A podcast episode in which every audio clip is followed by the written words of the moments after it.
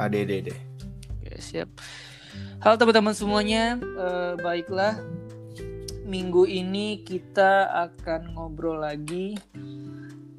minggu ini kita kedatangan seorang bintang tamu narasumber teman saya juga dari Padang, dari Minang, seorang warga negara Indonesia yang menjadi pekerja di Jepang, siap Jepang, mantap. Eh namanya Gian Kurnia Putra. Say hello Yan. Halo, halo guys. Selamat malam. Apa kabar? Alhamdulillah baik, Cap. Eh, Cap Yayo gimana kabarnya? Alhamdulillah baik-baik saja dengan situasi seperti ini. Dinikmatin aja dan berdoa semoga cepat selesai. Iya benar-benar. Lagi sibuk apa Yan? Eh, sibuknya sih kemungkinan mungkin nggak mungkin ya, emang sibuk kerja sih. Sampai hari ini belum dapat libur karena perusahaan lain udah libur dan perusahaan sendiri belum libur sih. Ah, nah, pas udah dibahas perusahaan, Gian kerja di mana sih Gian sebenarnya? Eh, Gian kerja di itu sih Cap ke, ke lebih ke pabrik perkayuan ngebuat dinding-dinding buat rumah yang di Jepang gitu. Oh gitu itu daerahnya mana sih? For you ya apa sih namanya? For you. Hofu Hofu Oh Fu maaf maaf maaf. Oh Fu. sorry sorry. udah diganti ya. Oh, Hofu tepatnya di Yamaguchi Keng mungkin kalau Jepang kebanyakan orang tahu itu Tokyo sama Osaka aja ya. Yamaguchi Iya, nggak iya, tahu mungkin. Iya iya iya. Jadi buat teman-teman yang dengar, eh Gian ini seorang mahasiswa dulunya nih. Iya Terus mahasiswa. memutuskan untuk bekerja di, di Jepang. Bisa bisa itu guys, bisa ceritain nggak sih Yan, proses dari eh, apa dari tahuin program ini itu sampai eh, terbang ke Jepang gitu. Prosesnya gimana Oke, sih? Prosesnya itu awalnya gini ya, Kep ya. Gian nggak nyangka aja sih. Awalnya tuh nggak ada kepikiran buat ke Jepang. Apa sih Jepang gitu? Nggak ada pikiran sama sekali. Dan terus abang kandung sendiri yang nyaranin gitu kan. Lagi enak-enaknya kuliah kemarin tuh di semester 4. eh, Iya. Diajakin gitu. Cobalah eh, ke Jepang gitu. Ah, Jepang gitu. Nggak mungkin lah gitu. Dan mikir ngapain sih harus Jepang gitu jauh banget gitu kan Iya. dan ya akhirnya rapat keluarga dirapatin sama keluarga. Ya udah coba aja lah dulu tes gitu kan. Dan ku terus kuliah gimana gitu kan. Ya udah kalau bisa cuti cuti. Ntar pulang dari Jepang nyambung lagi gitu. Dan kepikiran juga itu tesnya ada pengguguran gitu. Kan tes di daerah Padang lah tepatnya gitu. Pernah ikut tes tes apalah gitu kan. Iya, kalau iya. tanpa orang yang ada di dalam orang kuat lah intinya gitu bakal gagal gitu. Ya itu sih yang ditakutin awalnya. Terus Hmm. abang kandung sendiri juga bilang gitu ah nggak ada ini murni coba aja dulu gitu kan. Dan akhirnya coba awal tes itu tes matematik lah tepatnya. Dan alhamdulillah lolos dari situ lolos lolos lolos terus ya oh ya udah mungkin ini jalannya ke Jepang dan buat ngebahagiain orang tua juga ya udah ini saatnya gitu. Akhirnya cuti kuliah belajar bahasa Jepang setahun gitu kan awalnya nggak nyangka aja males aja gitu buat belajar bahasa Jepang gitu. Ini apa Yes. sih? Hiragana katakana. Di Iya, SMA iya, iya. pun di SMA itu. Waktu, waktu belajar bahasa Jepang itu wah itu udah wajib izin buat keluar gitu. Mengkambing hitamkan sesuatu untuk nggak belajar bahasa Jepang gitu. Dan mungkin ini Iya. kut- kutukan dari sensei yang dari SMA ya gitu ya. Alhamdulillah gitu. Dan belajar setahun di Indonesia setelah lulus lulus tes itu belajar bahasa setahun setahun lebih lah. Dua bulan dapat pelatihan di daerah lanjut ke pelatihan nasional dua bulan juga. Empat bulan ya kurang lebih setahun di Indonesia gitu empat bulan. Waktu pelatihan nasional di Lembang berangkat itu April 2000 2019 nggak salah. Tanggal 27 tanggal 27 sampai Jepang. Di Jepang pun masih pelatihan tapi Hmm. pelatihan di Jepangnya enak gitu dibayar digaji sebesar 80 ribu yen lah atau lap- 9 10 10 jutaan gitu kan Hmm. Dan setelah selesai sebulan pelatihan di Jepang, langsung ke perusahaan. gitu. Awalnya pas ini cerita mau ke perusahaan gitu sama temen, ya ntar sama bos ngomong apa ini bahasa Jepang anjir gitu kan. Heeh. Lagi nggak lancar-lancarnya, yang taunya cuman ya paling ya yang formal-formal aja gitu. Dan ya dijalani dijalani sampai sekarang ya intinya bahasa itu fleksibel sih gitu. Dan alhamdulillah gitu. Oh.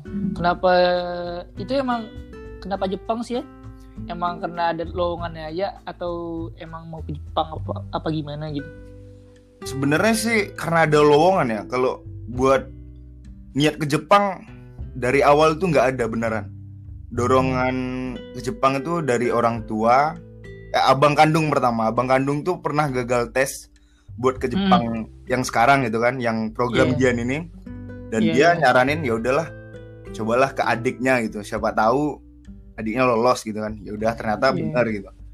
Dan ya itu dorongan orang tua terus setelah lul- eh, lulus-lulus tes gitu kan ngelihat senpai gitu senior-senior yang di sini gitu cerita-cerita di Jepang itu enak apa-apa ini semuanya gitu kayaknya gitulah enak gitu kan dan terus abang nyaranin juga dan satu motivasi lagi ntar kalau lu lu ke Jepang gitu lu bisa beli apa tuh alat musik yang lu mau gitu recording Hmm. sepuasnya gitar yang lu mau ini bla bla bla dan yang lain wah itu dorongan motivasi juga nih gitu kan ntar Iya, pulang iya, iya. Jepang bisa-bisa buat studio gitu ya udah gitu Iya iya.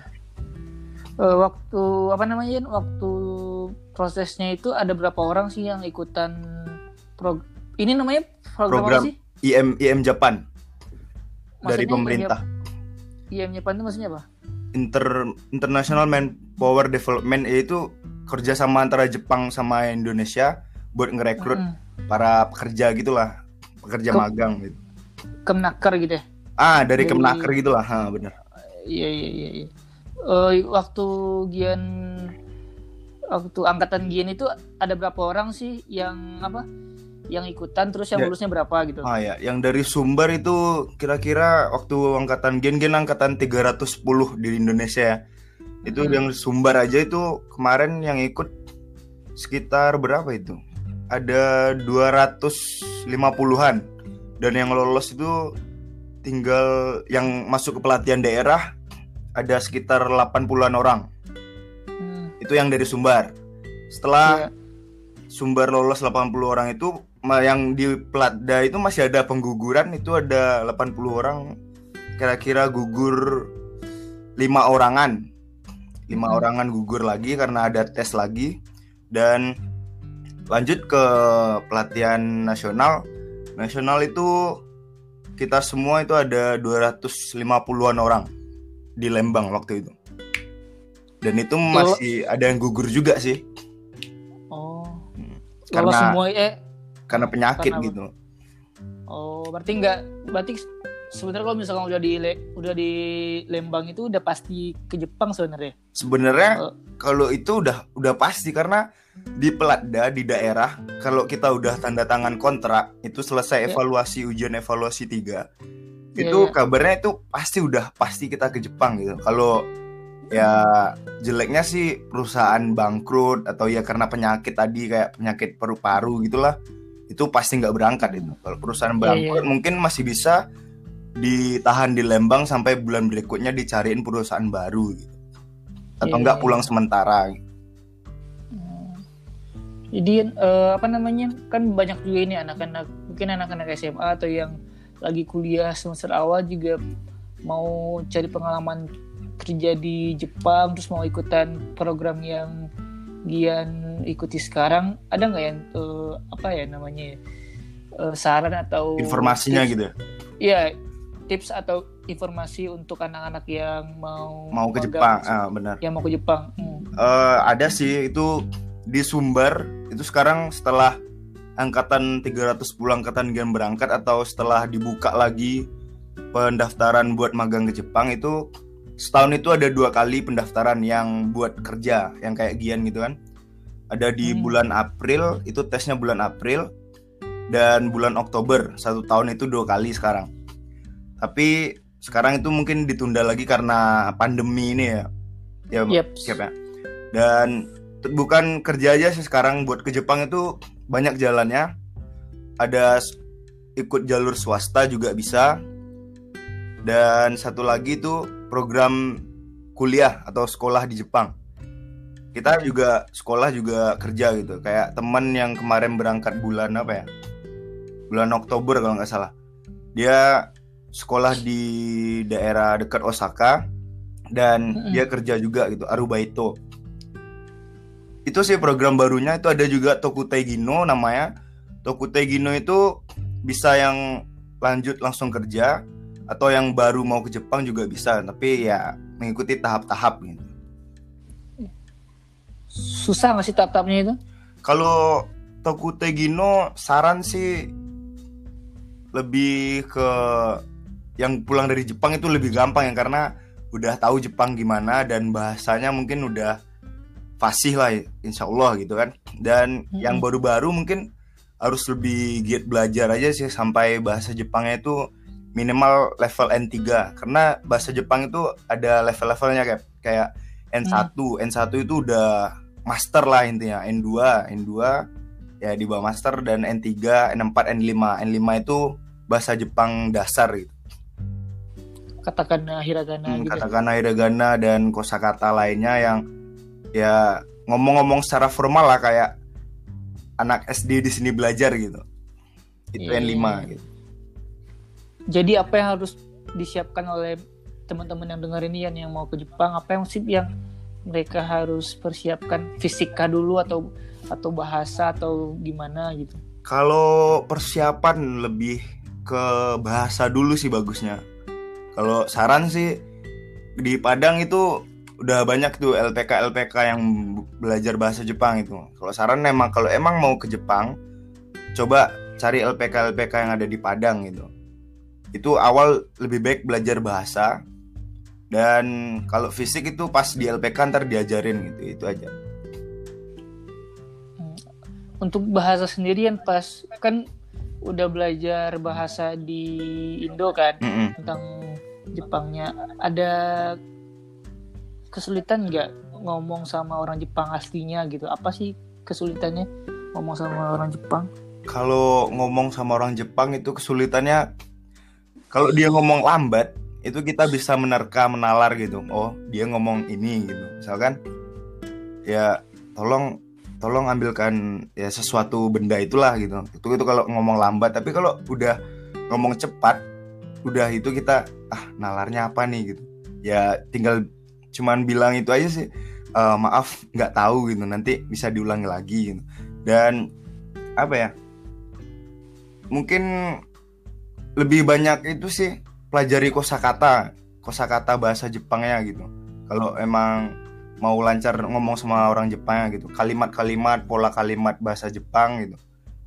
Dan satu lagi itu kosakatanya itu yang kita pelajari di buku kalau udah kita sampai ke daerah kayak misalkan Indonesia itu Padang. Padang bahasanya Iya, iya. Minang gitu kan itu da- bahasa yap, daerahnya. Di sini pun kayak gitu Gen sampai di sini bahasa Jepang ya tetap ya nasional ada Jepangnya gitu. Setelah sampai di Yamaguchi di Hofu itu Hogeng ada bahasa daerahnya. Aduh ini apa lagi gitu. Ya di situ kita menyesuaikan lagi sih. Untuk orang-orang Jepang sendiri itu eh fasih nggak ya berbahasa Inggris. Soalnya kalau misalkan kita nggak paham bahasa mereka kan jadinya harus pakai bahasa Inggris kan? Ah, itu benar. Mereka soalnya yang saya yang saya tahu itu orang Jepang itu emang emang kental dengan dengan bahasa Jepangnya gitu kan. Oh, benar. mempelajari bahasa asing gitu kan. Kalau versi yang Gian temui gimana? Kalau Jepa- orang Jepang asli sini yang bahasa Jepang itu kayak di di tempat kerja lingkungan kerja ya. Mereka bahasa Hmm. Inggris itu nggak fasih-fasih amat sih gitu. Yang fasih itu kalau bahasa Inggris di Jepang itu di tempat-tempat besar kayak Tokyo di stasiun gitu stasiun Tokyo atau di airport di mana gitu lagi ya. Pokoknya di kota eh, di tempat bermain kayak tempat bermain kayak tempat wisata di Universal Studio nah itu itu fasih banget bahasa Inggrisnya gitu. Kalau yang orang-orang biasa sih paling ya kayak kita yang di Padang mungkin tahu bahasa Inggris itu ya sekedar aja sih gitu. Hmm,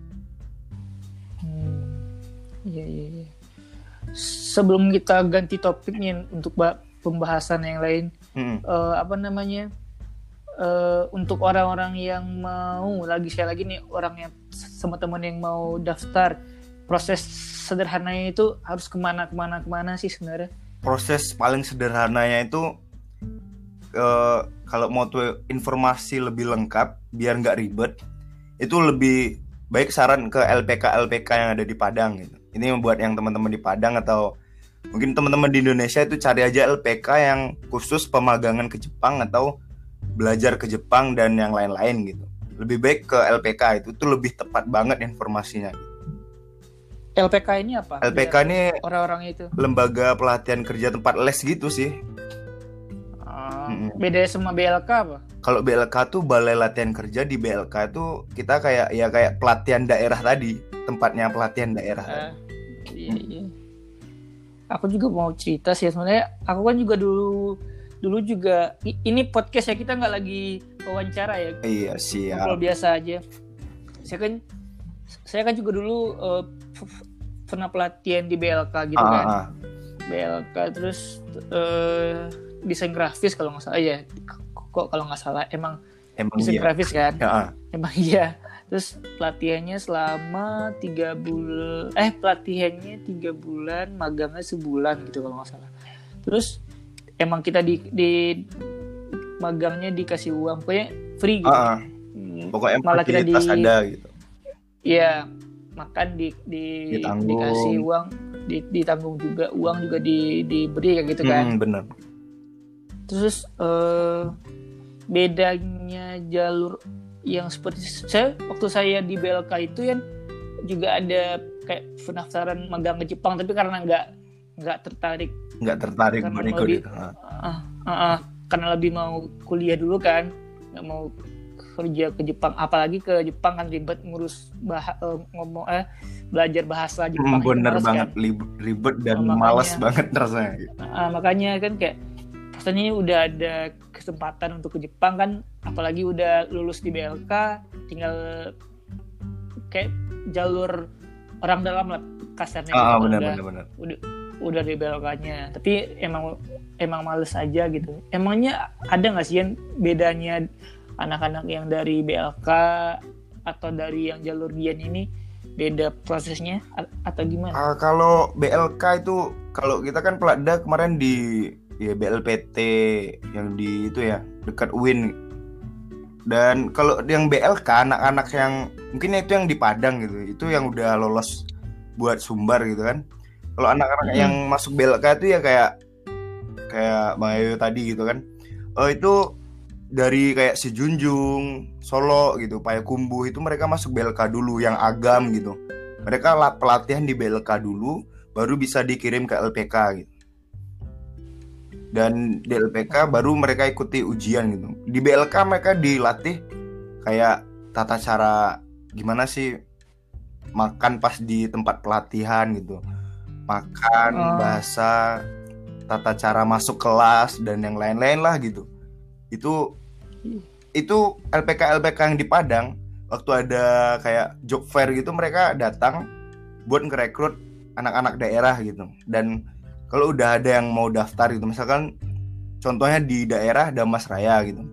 Di Damas Raya Hmm. terdirekrut pas job fair udah ada yang daftar beberapa gitu. Dan eh itu kayak Kemnaker Sumbar gitu nggak Depnaker Sumbar itu ngadain pelatihan di BLK yang ada di Damas Raya gitu.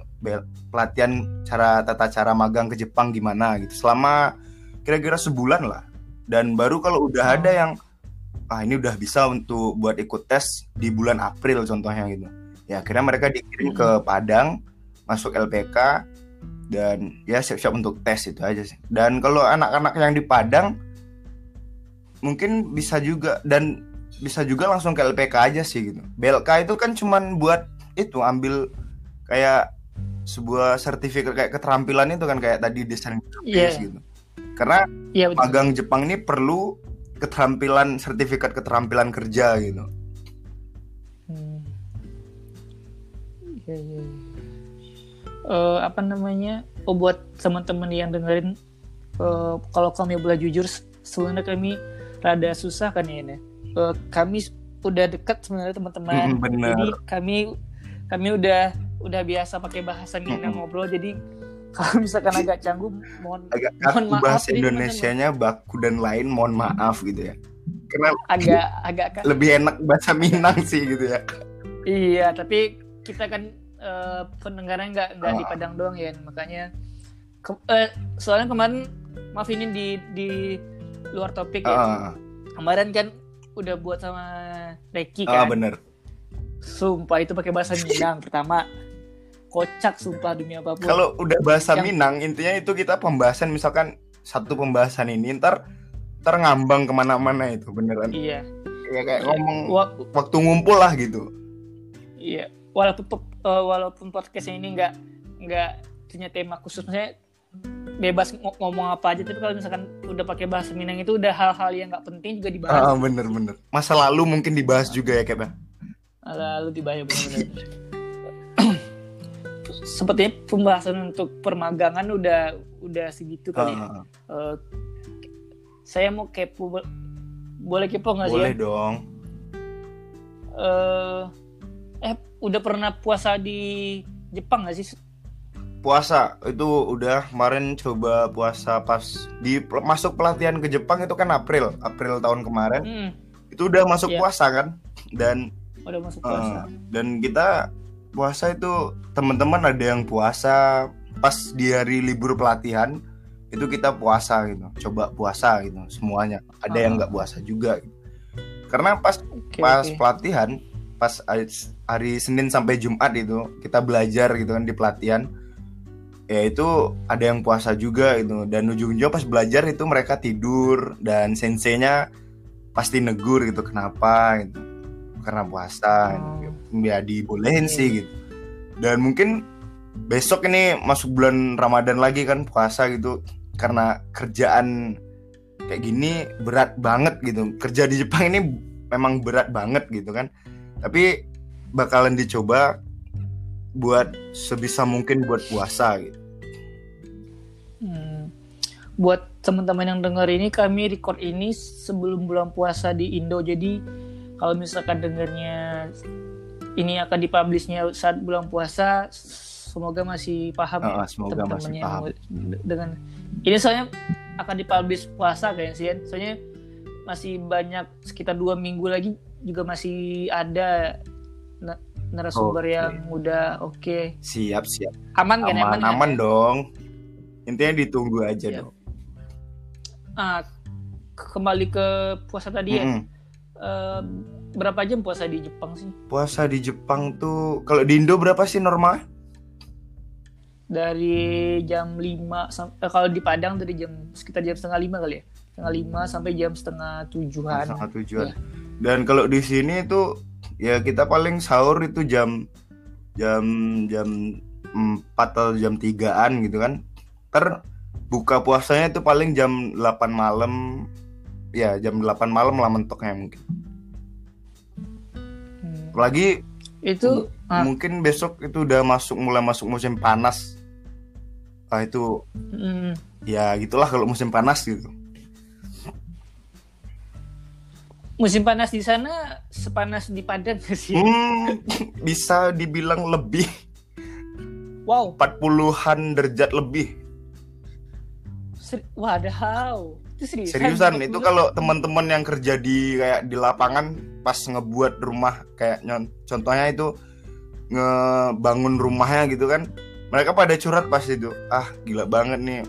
40 derajat lebih harus menyesuaikan dengan suhu sekarang gitu misalkan. Pakai sunblock pun mereka bakal kalah gitu. Teman-teman udah curhat gitu kemarin pas musim panas kemarin gitu. Panas banget pokoknya. Wow. Di kalau dingin oh dingin banget juga. Soalnya kalau di Padang aja udah huh, di Padang itu tiga tiga berapa tiga sembilan mentoknya Iya, 40-an di juga tiga ya. udah. Nah, tapi standar 37 39 Hmm. kalau kalau nggak salah sih. kalau di Padang mah panasnya enak Gigimu enak ya sumpah. ndasmu enak sumpah. Kalau di, Nggak enak ya. iya, kalau di sini nggak enaknya itu pas pergantian musim, nah itu daya tahan tubuh udah itu siap-siap untuk berganti juga. Gitu. Tadi kita bahas puasa. Ah, ah, kan bahas ya? puasa. Bahas puasa. Kita bahas eh, Gian Muslim kan? Alhamdulillah Muslim. Alhamdulillah. Pertanyaan macam apa ini? Kalau kata Ricky itu itu namanya bridging ya. Biar, Oh iya. biar nggak nggak langsung ke top pertanyaannya. Tapi pas sama dia ya sumpah nggak ada bridging. Gak ada bridging, sumpah. lancar aja semua. Nggak ada bridging. Dia bilang kan ini kok nggak ada bridgingnya gitu kan nggak nggak nggak nggak smooth gitu pertanyaannya. Soalnya bahasa Minang bro. Iya, bahasa Minang. Semua itu kayak ya punchline semua pokoknya. Ah, iya makanya. Astaga, Reki Reki. Kembali lagi ke ke ibadah tadi eh, ya Iya, ibadah udah bahas. yang muslim. Hmm. Tadi kan nggak agak sedikit melenceng. Untuk sholat di sana, sholat itu susah nggak sih tempat ibadah atau tem- tempat untuk buat sholat Ah, di kayak sana masjid ya contohnya. masjid ataupun yang sebagainya. Kalau sholat sih sholat, kalau atau- Gian sama temen itu sholat di rumah karena di daerah Hofu ini belum ada masjid. Masjid itu paling di daerah atas kayak di Hiroshima, Hiroshima, Nagoya dan Osaka ya tempat-tempat besar lah itu. Itu ada masjidnya gitu. Itu bisa sholat. Kalau di Hofu sih paling sholat di rumah lihat lihat aplikasi jam sholat ini jam berapa jam sholat maghrib jam berapa kayak gitu aja sih Hmm, itu dari tempat kerja ke rumah emang deket, gitu Deket. kalau misalkan mau sholat kan? Kalau sholat sih Oh. ya kita di tempat kerja ke rumah sih 15 menitan sih gitu. Kalau sholat itu paling pas pulang kerja itu kalau nggak di jamaah aja gitu sih. Karena pas kerja itu beneran nggak bisa. Bisa sih bisa kalau diluangkan waktunya gitu kan. Karena tiga kali istirahat kan.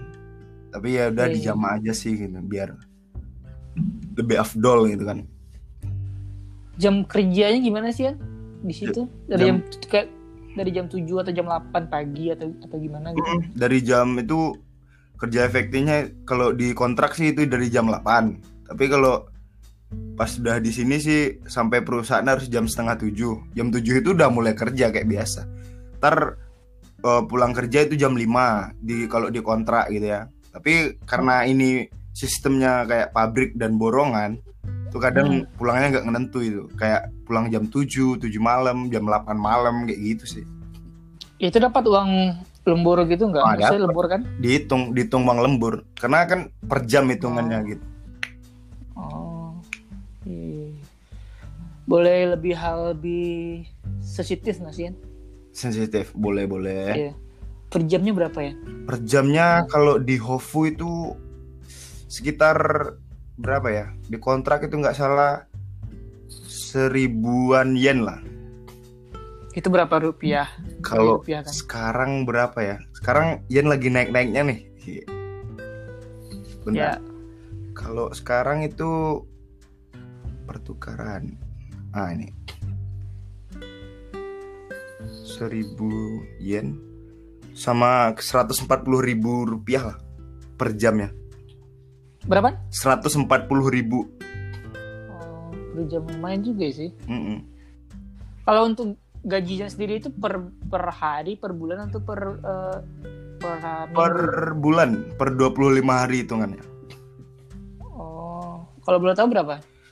kemarin sih gaji terakhir itu alhamdulillah sampai 15 ribu yenan lah itu karena udah dipotong sebenarnya sih maksimal kalau nggak dipotong biaya rumah listrik air dan sebagainya Hmm. itu sampai 20 ribuan 20 ribuan lebih lah gitu Itu totalnya berapa sih? Tolong dirupiahkan saya. kalau Langsung. 20 20 ribuan ya 20 ribu yen itu sama kayak berapa ini? Dua eh 20 ribu yen 200 ribu yen. Maaf sebulan itu. Itu totalnya eh sama sih eh 200 ribu yen. 20 ribu yen bener bener bener sorry. 20 ribu yen itu totalnya 28 jutaan. Kalau per di- bulan. per bulan. Belum dipotong itu. Kalau kemarin sih 15 ribu yen itu sekitar berapa ya bentar 15 15 ribu 150 ribu yen. Itu sekitar 2 21an lah 21 juta 21 juta. Kalau dirupiahkan gitu. Besar ya? Besar tapi Untuk- sama aja pengeluaran di sini juga kayak gitu sih. Nah iya iya. Ah saya juga mau bahas ya tentang pengeluaran. Pengeluaran di sana kalau dihitung-hitung per bulan berapa sih kalau untuk Gian sendiri aja di sana? Per bulan itu kalau gen sendiri itu habis dua dua mang itu 20.000 ribu yen. Teman kita nyumbang itu 20.000 ribu yen 20.000 ribu yen per orang buat per bulan itu karena kita belanja itu per minggu. Untuk belanja ke supermarket itu per minggu beli bahan-bahan makanan gitu. Itu buat makanan aja kayak beras sayur dan daging dan lain-lain gitu. Kalau snack-snack itu sendiri ya habisnya sih 20.000 ribu yen sih per orang gitu per bulan jadi dua jutaan dua juta lima ratusan sih per bulan. jadi be- bersihnya untuk bisa ditabung untuk Ditabung. dibawa lagi ke Indo sekitar berapa bersihnya 19 itu ya? ah ya 19-an Hmm, lumayan sih lumayan tapi ya kalau Hmm. awal-awal datang sih sekitar ya paling buat teman-teman yang kayak Igian sendiri juga kayak bayar uang pinjaman selama di Indo sih gitu Oh, iya iya iya iya. Eh, lanjut lagi kalau boleh tahu itu magang eh magang atau kerja namanya? iya magang Magang ya? kerja Magang. sih lebih tepatnya Apaan? karena di visa itu lebih tepatnya itu praktek kerja trainee Oh, praktek. Iya iya iya. Hmm. iya. Itu berapa tahun sih Yan di sana? ya? itu sekarang sampai kontrak sih sampai tiga tahun dua sampai 2022 2022 22. April tapi kalau sekarang kan programnya itu diperbarui itu Ah. bisa sampai lima tahun palingan 2024 gitu kan tapi Oh. kita dibolehin pulang dulu selama kira-kira dua bulanan lah atau Iya, kalau iya. mau lanjut ntar hubungin lagi lanjut program dua tahun lagi kayak gitu sih iya.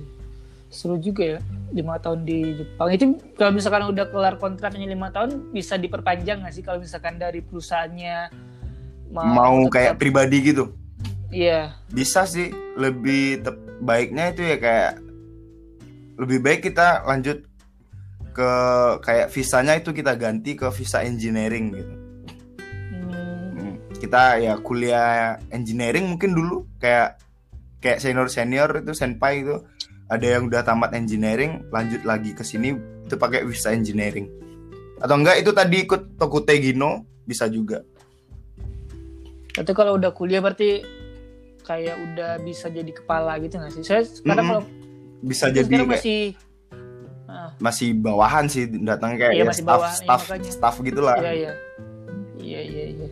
Gajinya lebih gede kali ya. gajinya lebih gede.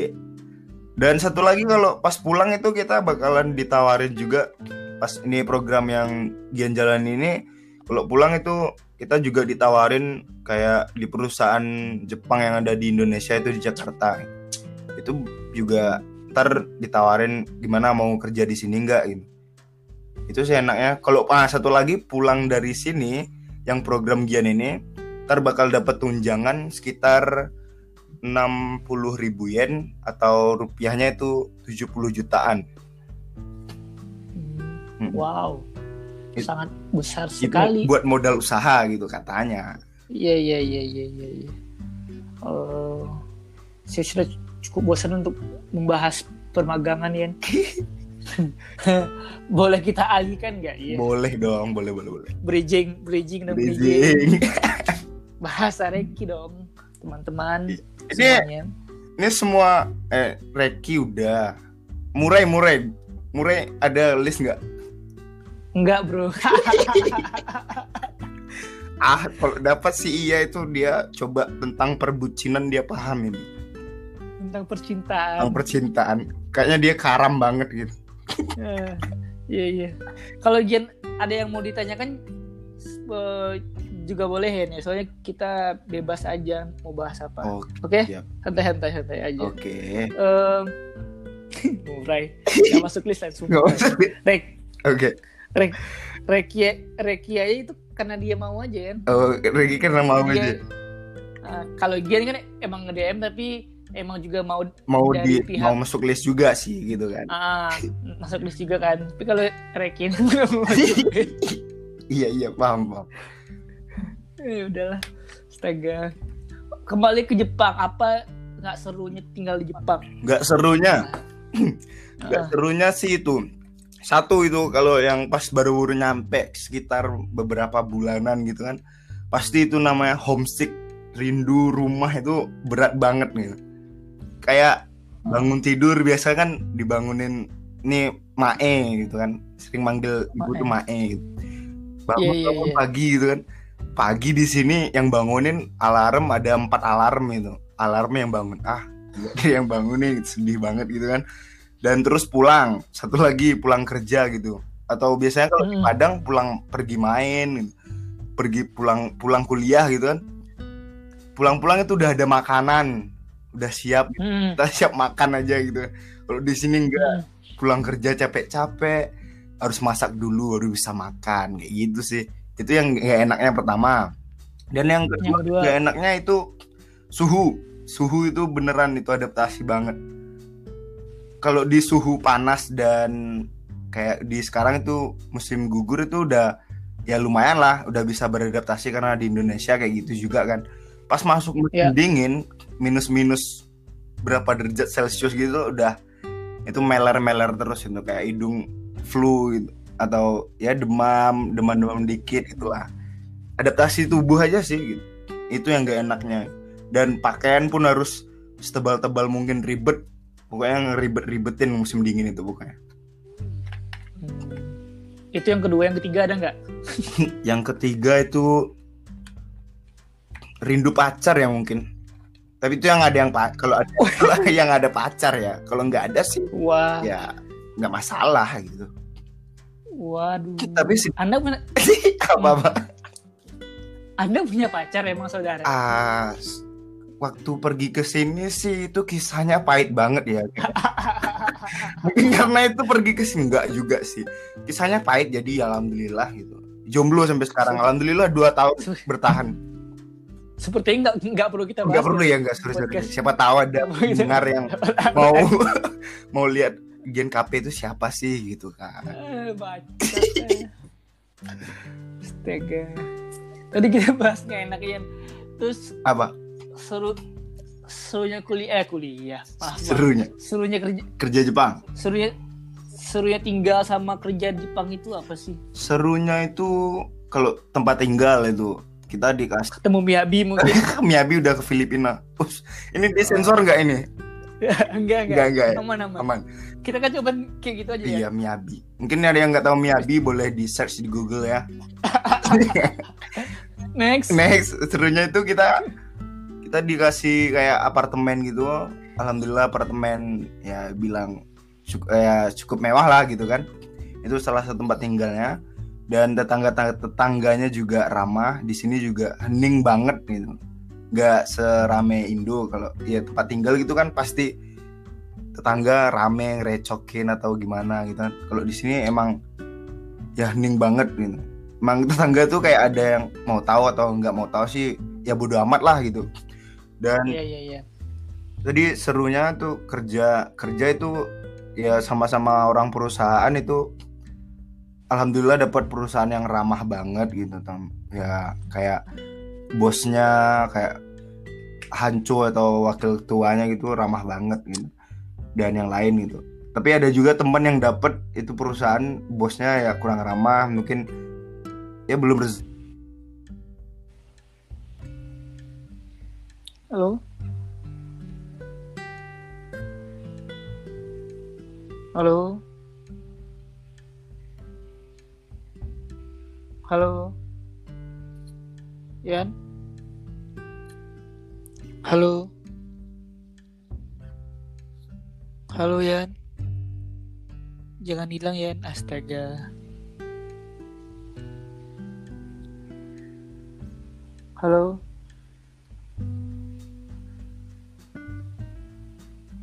Baik, teman-teman, sepertinya terputus koneksi dengan Gian. Kalau misalkan dia nggak kembali, kita tutup aja. Mohon maaf buat teman-teman yang udah dengerin. Semoga kita bisa ngobrol lagi sama Gian.